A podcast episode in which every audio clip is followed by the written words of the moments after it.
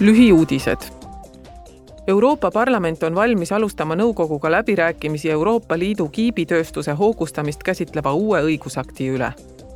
eesmärk on kindlustada EL-i varustatus kiipidega, suurendades tootmist ja innovatsiooni ning kehtestades erimeetmed ootamatu kiibi nappuse puhuks.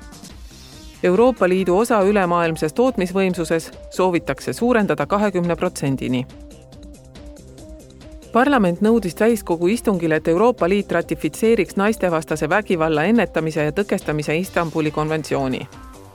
kuus aastat pärast dokumendi allkirjastamist ei ole liit seda ikka veel ratifitseerinud, sest kuus riiki on sellest keeldunud.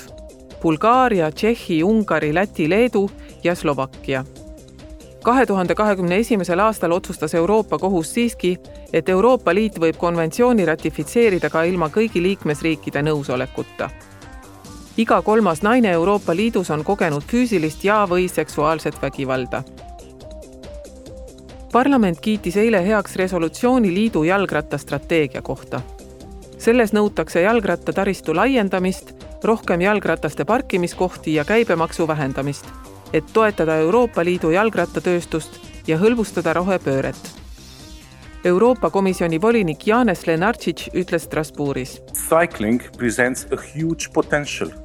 Jalgrattasõidul on tohutu potentsiaal kliimamuutuste leevendamiseks. see on alternatiiv motoriseeritud liikumisele eelkõige linnades.